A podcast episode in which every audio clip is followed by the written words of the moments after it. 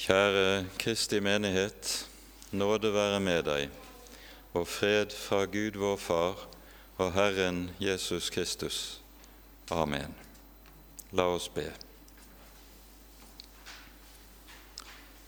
Så takker og lover vi deg, Herre Jesus, for all din godhet imot oss.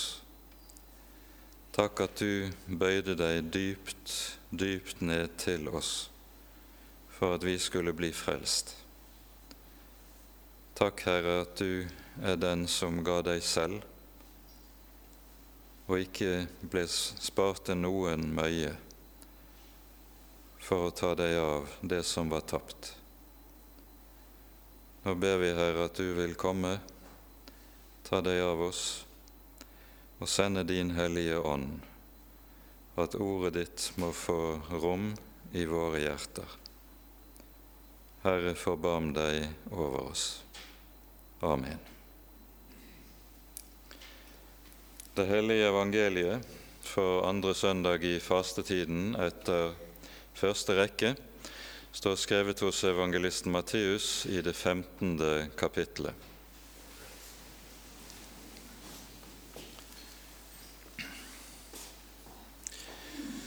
Så brøt Jesus opp derfra og dro bort til bygdene ved Tyrus og Sidon.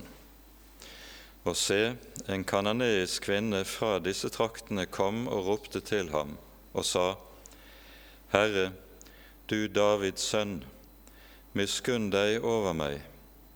Min datter plages ille av en ond ånd. Men han svarte henne ikke ett ord. Disiplene hans kom da og ba ham og sa:" Vis henne bort, for hun går og roper etter oss. Men han svarte og sa, Jeg er ikke utsendt til andre enn de fortapte får av Israels hus.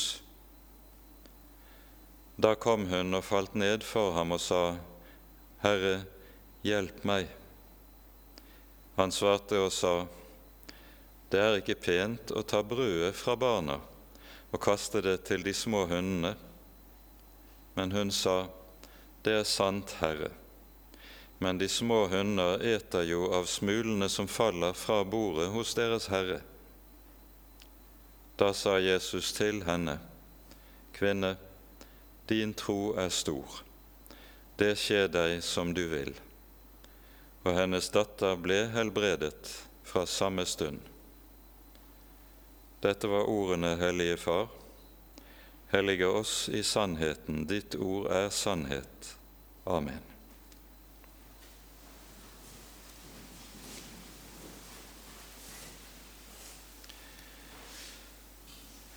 Dagens tekst kan vel på mange måter sammenfattes i ordene vi hører fra Jakob når han kjemper med Gud, slik vi hørte lest i den gammeltestamentlige teksten.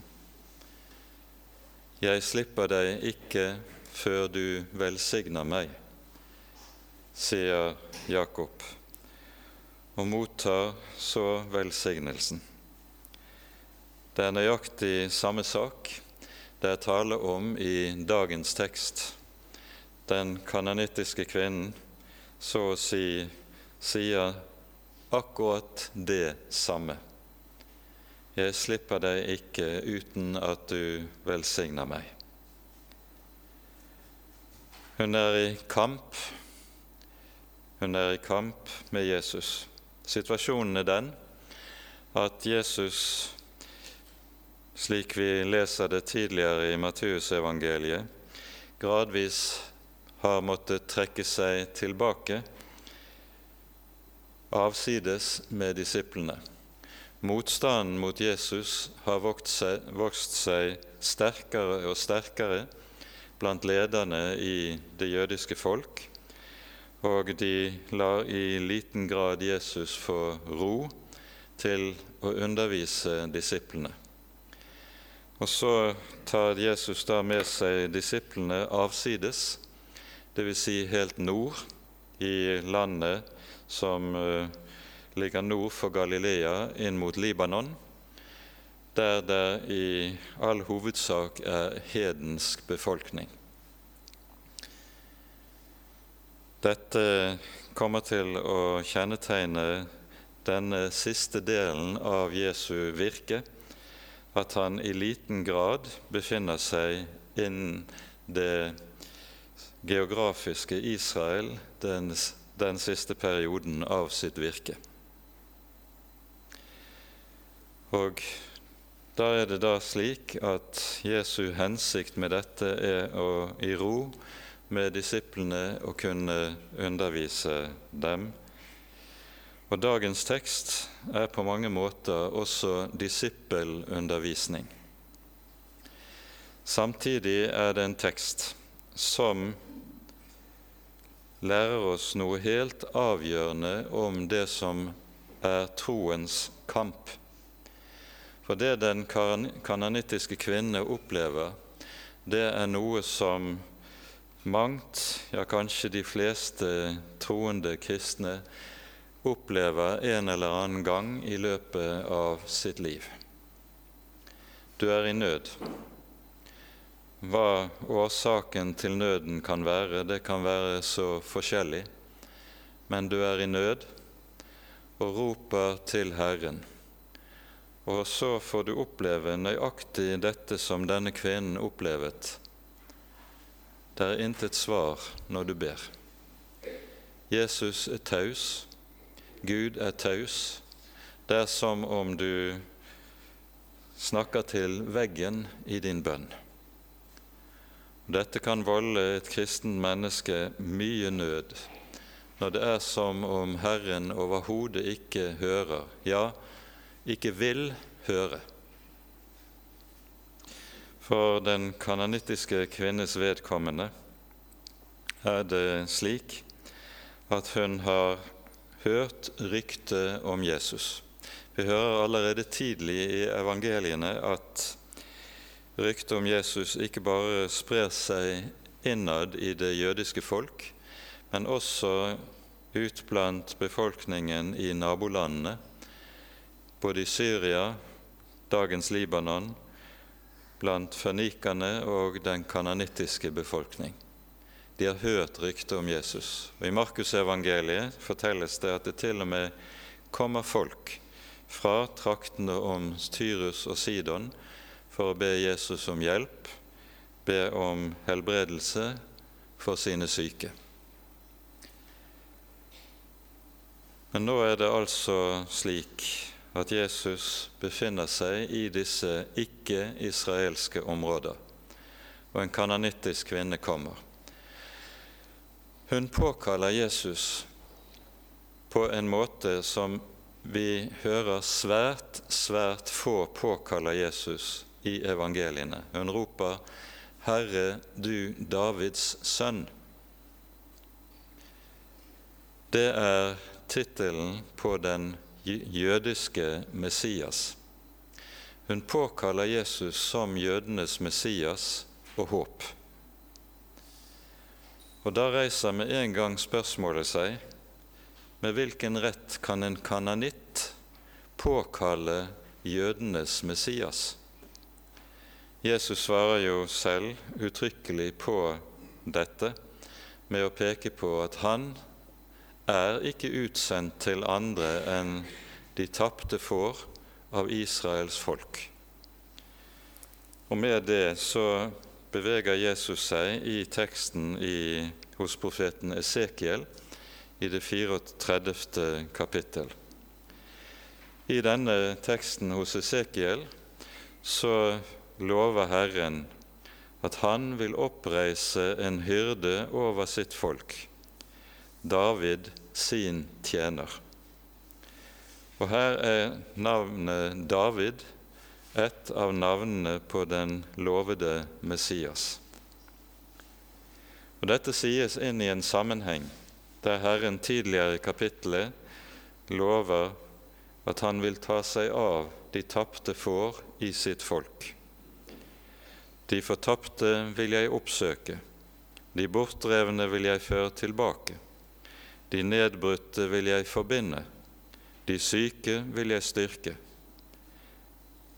Dette er Guds løfte, men det er et løfte til Israels folk.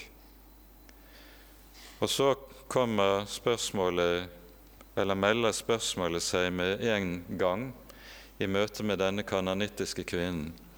Når du påkaller meg som Israels Messias, med hvilken rett gjør du det? Med hvilken rett kan du overhodet be om hjelp fra meg som Israels Messias? Jeg er jo sendt til Israels folk. Og dette er den nød og den anfektelse som hun stilles overfor og kommer inn i. Når eh, hun fortsetter å rope, kommer disiplene til Jesus og ber ham vise henne bort. Dette gjør de med bakgrunn i det som var allmenn skikk i eh, Israel i datiden. En rabbiner talte aldri med en kvinne offentlig. Til og med hvis de var ute i offentligheten, så talte han ikke med sin hustru. Og fremmede kvinner de skulle overhodet ikke tales til eller med. Det er dette som gjør at disiplene undrer seg slik over at Jesus taler med den samaritanske kvinnen, slik som vi hører i Johannesevangeliets fjerde kapittel. Så disiplene ber Jesus egentlig bare forholde seg til det som var allmenn praksis blant rabbinere og blant de fromme i datidens Israel. Vis henne bort. Man forholder seg ikke og pleier ikke omgang med den slags mennesker. Ikke bare er hun kvinne, men hun er en hedensk kvinne hun er til og med en kananitt. Og kananittene var fra gammelt av Israels fiender. Og så blir spørsmålet enda mer påtrengende. Hvilken grunn skulle Jesus i det hele tatt ha til å høre henne? Dette fører til at hun kommer frem for Jesus og kaster seg ned for hans føtter og ber den hjelpeløse bønnen Herre, hjelp meg. Herre, hjelp meg. Og Jesus svarer henne, det er ikke pent å ta brødet fra barna og gi det til de små hunder. Og med det så understrekes det noe som er dypt grunnleggende i Den hellige skrift. Hun er en som overhodet ikke fortjener å bli bønnhørt. Overhodet ikke. Det at hun kalles hun, som vi hører det her, det fører ikke til at hun blir fornærmet. Hun eh, blir ikke krenket slik som det gjerne er det i dag hvis du kaller mennesker for syndere. Tvert om, hun bøyer seg for det. Hun vet at hun fortjener ikke å bli hørt,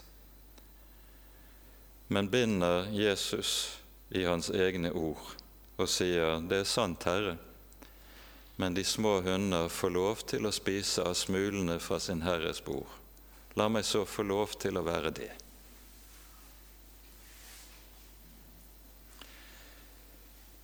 Luther sier som kommentar til denne teksten at med hunderett vinner hun barnerett.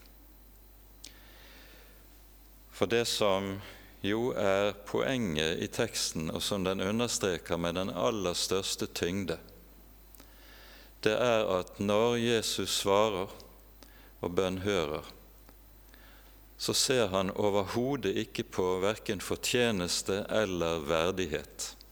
Det er ingenting slikt som kommer i betraktning.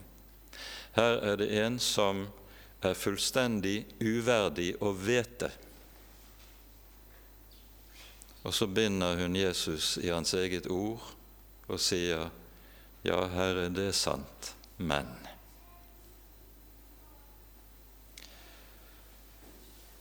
En kjent predikant er inne på noe tilsvarende i en annen sammenheng.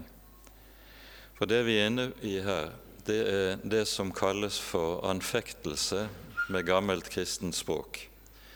Et ord som jo ikke ofte møter oss lenger i kristen forkynnelse. Anfektelsen består i det at en opplever seg selv som forkastet av Gud. Og forkastet av Gud fordi på grunn av noe en selv har gjort, noe en selv bærer i sitt eget hjerte, og dermed vet om Gud nå har forkastet meg, så er det bare som fortjent. Jeg kan ikke vente annet slik som jeg er, slik som jeg har stelt meg. Det er anfektelsens vesen og anfektelsens natur. Da er det at den gamle predikant sier ja vel, du har kanskje ødelagt din barnerett gjennom det du har gjort, men da har Gud også gitt deg en annen rett, nemlig den rett som den ugudelige verden har, nemlig at i løftet om at når Jesus lider døden, så lider han døden for denne verdens synder, for ugudelige, for urettferdige, for slike som intet fortjener og intet har å komme med fremfor den levende Gud. Du har en annen rett, den ugudeliges rett. Og så blir hun hjulpet. Og Jesus gir henne vitnesbyrd. Kvinne, din tro er stor. To ganger hører vi Jesus i evangeliene tale om en stor tro. Og begge ganger er det i forbindelse med hedninger som kommer til Jesus for å søke hans hjelp. Kvinne, din tro er stor. Hvordan viser troen seg stor? i at hun klynger seg til Jesus, selv om det ser ut som han ikke vil vite av henne. Og Dette er det som er troens strid. For du og jeg må til tider gå gjennom slike perioder i livet der det kan se ut til at Herren har forkastet meg, forkastet deg på grunn av det ene eller det annet som du har, er skyld i. Og så vet du med deg selv om Herren kaster meg bort i vrede, så er det ikke annet enn hva jeg fortjener. Og da er det du kastes tilbake på det som er det grunnleggende, og aldri kan bli noe annet enn det grunnleggende i alt kristent liv at skal jeg få være hos Herren, så må det være av ren, ublandet nåde uten å fortjene noe som helst. Med hunderett Med hun, hunderett vinner hun barnerett, leste vi hos Luther. Og nettopp dette er poenget. Du skal få lov til å komme med all din nød, og du skal vite at om Herren hører deg, så er det ikke fordi du har noe å komme med, ikke fordi du har levet som kristen i så og så mange år og vært Guds tjener gjennom lang tid. Han hører deg ikke av slike grunner. Han hører deg ene og alene for sin egen nådes skyld, ene og alene for sin egen kjærlighets skyld. Ingen bønnhørelse har sin grunn i noe som noe hos deg, noe du er, eller noe du kan vise til. All bønnhørelse har ene og alene sin grunn i Jesu eget hjertelag og i det at Jesus ga seg selv for slike som ingenting fortjener og ingenting har å vise til. Det er dette som gir en fattig synder frimodighet i bønn. Det er dette som Paulus omtaler i en annen sammenheng, nemlig i Efeserbrevet i det andre kapittel, når han minner menigheten i Efesos, som jo stort sett bestod av hedninger, hedningekristne. Han minner dem om deres gamle liv og sier, husk derfor at dere før var hedninger i kjødet, kalt uomskårne av de såkalte omskårne. Husk på at dere på den tid var uten Kristus, utestengt fra Israels borgerrett og fremmede for paktene med deres løfte. Dere var uten Gud og uten håp i verden. Dette var hedningenes situasjon. Dette var hennes situasjon, den kananittiske kvinne. Men så kommer det Men nå, i Kristus Jesus, er dere som før var langt borte, kommet nær til, ved Kristi blod. Det er fordi Jesus er død, også for slike som den kananittiske kvinne, at det er håp. At vi ikke lenger er som de som er uten Gud og uten håp i verden, men som er som de som har fått en Gud som er far, har fått en Gud som vet hva vi trenger, har fått en Gud som har lovet å bære oss dag etter dag livet igjennom. Bære oss ikke utenom trengsler, ikke utenom vansker, men bære oss gjennom det på en slik måte at selv det som møter oss av nød og trengsel, tjener oss til gode. Og se det, det er også noe av årsaken til at det kan synes som at Herren er døv og ikke svarer når du roper til ham i din nød. For nøden, det er noe Herren også anvender til ditt beste, til ditt gagn, til din frelse etter det som sto i den gamle kirkebønnen. Du oppdrar oss ved kors og trengsel for ditt rike.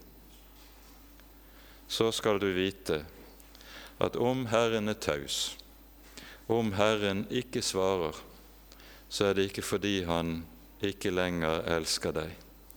Så er det ikke fordi Han har forkastet deg, men det er fordi Han også gjennom dette vil være din hyrde og Herre, som fører deg på sin vei inn til sitt rike. Lær meg å kjenne dine veier, sang vi. Det er det Herren vil lære oss gjennom tekster som dette. Og så skal du vite han er den samme han er den samme i går og i dag og til evig tid. Amen. Ære være Faderen og Sønnen og Den hellige ånd, som var, er og være skal, en sann Gud, høylovet i evighet. Amen.